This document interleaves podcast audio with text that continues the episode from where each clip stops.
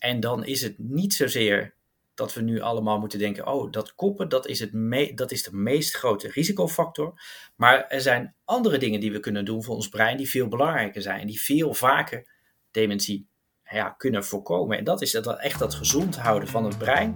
Dinant Bekkenkamp is teamleider wetenschappelijk onderzoek bij Alzheimer Nederland. Volgens hem zijn de positieve effecten van sport vele malen belangrijker dan de mogelijke kans op dementie door kopballen tijdens voetbal. Dit is een podcast van ANP Expert Support. Deze dienst staat los van de ANP-redactie.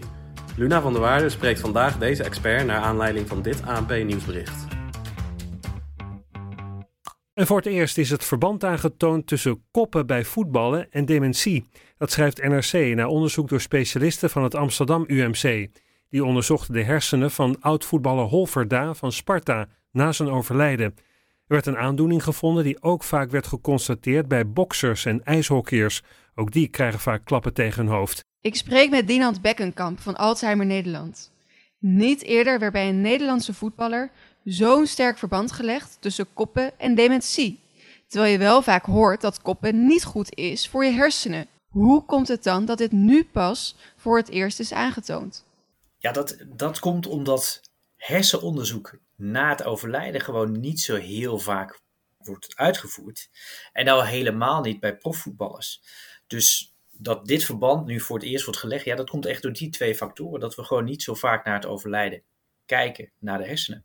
Ja, en uh, waarom is het noodzakelijk om pas na het overlijden zo'n hersenonderzoek te doen? Nou, uh, dit is dus echt ja, onderzoek wat je alleen kunt doen na het overlijden. Dus we kunnen de hersenen gewoon niet zo makkelijk bestuderen tijdens het leven.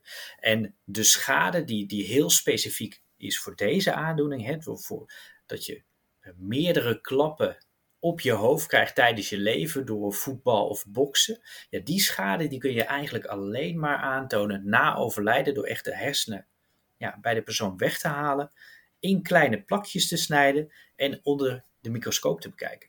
Ja, ja, en kan het in dit geval dan ook niet zo zijn dat deze voetballer gevoeliger was uh, om dementie te krijgen dan andere sporters die geregeld een bal koppen?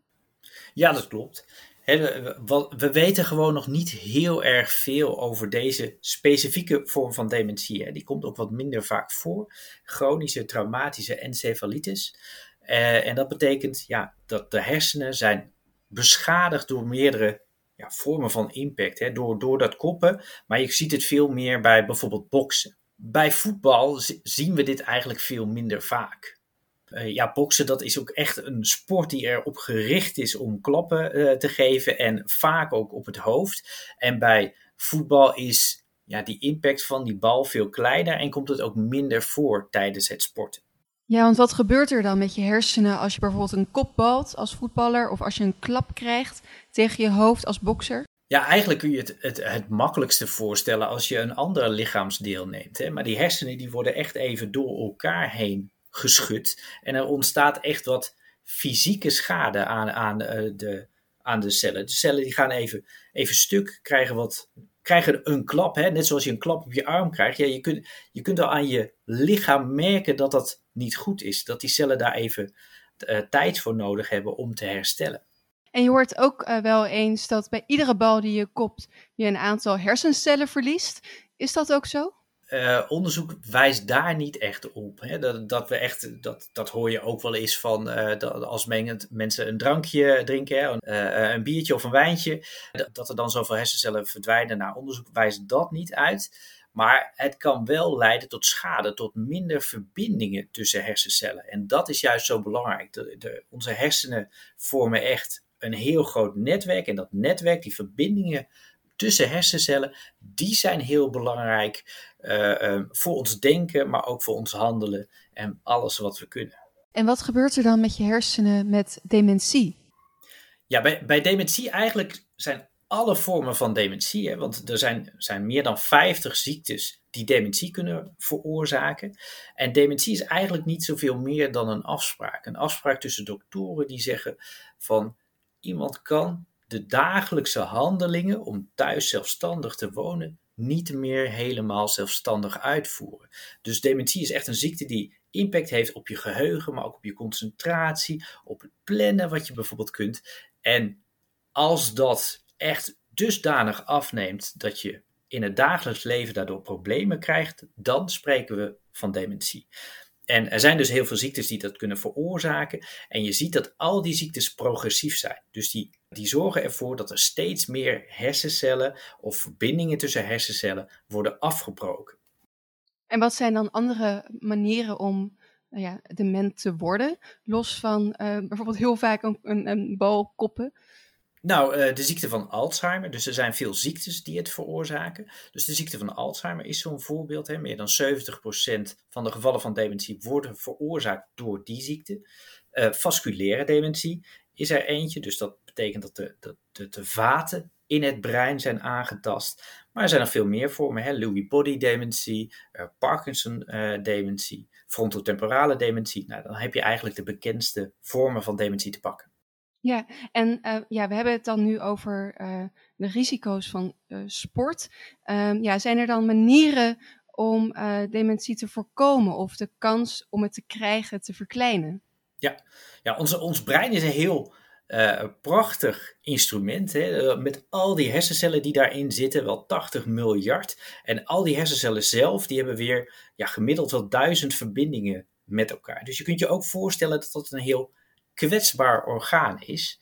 En wat we, waar wetenschap op wijst, is dat we, als we dat orgaan zo goed mogelijk verzorgen, dat we dan ja, zo weerbaar mogelijk zijn tegen ziekteprocessen die ons brein kunnen aantasten, zoals Alzheimer of vasculaire dementie. Dus als we er bijvoorbeeld voor zorgen dat we ja, de dingen doen die goed voor ons hart zijn, veel bewegen, uh, uh, overgewicht voorkomen, hoge bloeddruk behandelen, dat soort zaken, dan kunnen we ervoor zorgen dat ja, ons brein zo weerbaar mogelijk is. En hoe groot is dan de kans uh, dat je daadwerkelijk schade aanricht aan je hersenen en misschien zelfs dement wordt door vele kopballen of klappen op je hoofd ja, voor boksers? Nou, la laten we het over voetbal hebben, hè, want dat is ja, wel echt onze nationale uh, sport zo'n beetje. Heel veel mensen doen dat, maar ook heel veel kinderen doen dat. En, en je wil natuurlijk voorkomen dat, dat je nu al schade hebt. Uh, of ja, nu een sport kiest waar je later in je leven last van krijgt. En wat, ja, wat groot onderzoek laat zien onder bijvoorbeeld profvoetballers, is dat, dat de, de aanvallers dat die twee tot drie keer zoveel kansen hebben om dementie te krijgen ten opzichte van bijvoorbeeld een keeper hè, die niet zoveel kopt. Maar wat we ons daarbij goed moeten ja, realiseren is dat dat om profvoetballers gaat. Die in hun leven al die wedstrijden spelen, maar ook al die trainingen en dat van jongs af aan hebben gedaan en jaren achtereen. En van amateursport is eigenlijk dit effect niet vastgesteld. En zou je dan zeggen, koppen zou in de topsport verboden moeten worden? Dat is echt wel iets voor meer onderzoek. Hè. We weten nog niet helemaal zeker of dat echt zo is, of dat er andere factoren is. Dus dat is echt iets wat we nog wat, wat beter moeten onderzoeken. Voor, hè, voor de amateursporter, echt de vraag die de meeste mensen hebben. Ja, daar hoef je echt niet zoveel zorgen te maken. Daar is het positieve van, van, van voetbal, hè, de sociale interactie, maar ook het, het lichamelijke, ja, dat geeft zoveel positieve effecten, ja, dat we dat echt niet moeten kwijtraken. Ja, dus je zegt eigenlijk, uh, ja, die paar kopballen, die hebben zo weinig uh, gevolgen of uh, effecten op je hersenen. Maar het sporten is gewoon hartstikke gezond. Ja, het sporten is hartstikke belangrijk. En je kunt natuurlijk wel bij kinderen, hè, en dat is nu ook wel het advies om niet om jonge kinderen niet te laten koppen. En het dan pas uh, vanaf 12 jaar of zo uh, te leren. Ook met, met een zachte schuimbal bijvoorbeeld. Zodat de impact op dat hoofd niet groot is.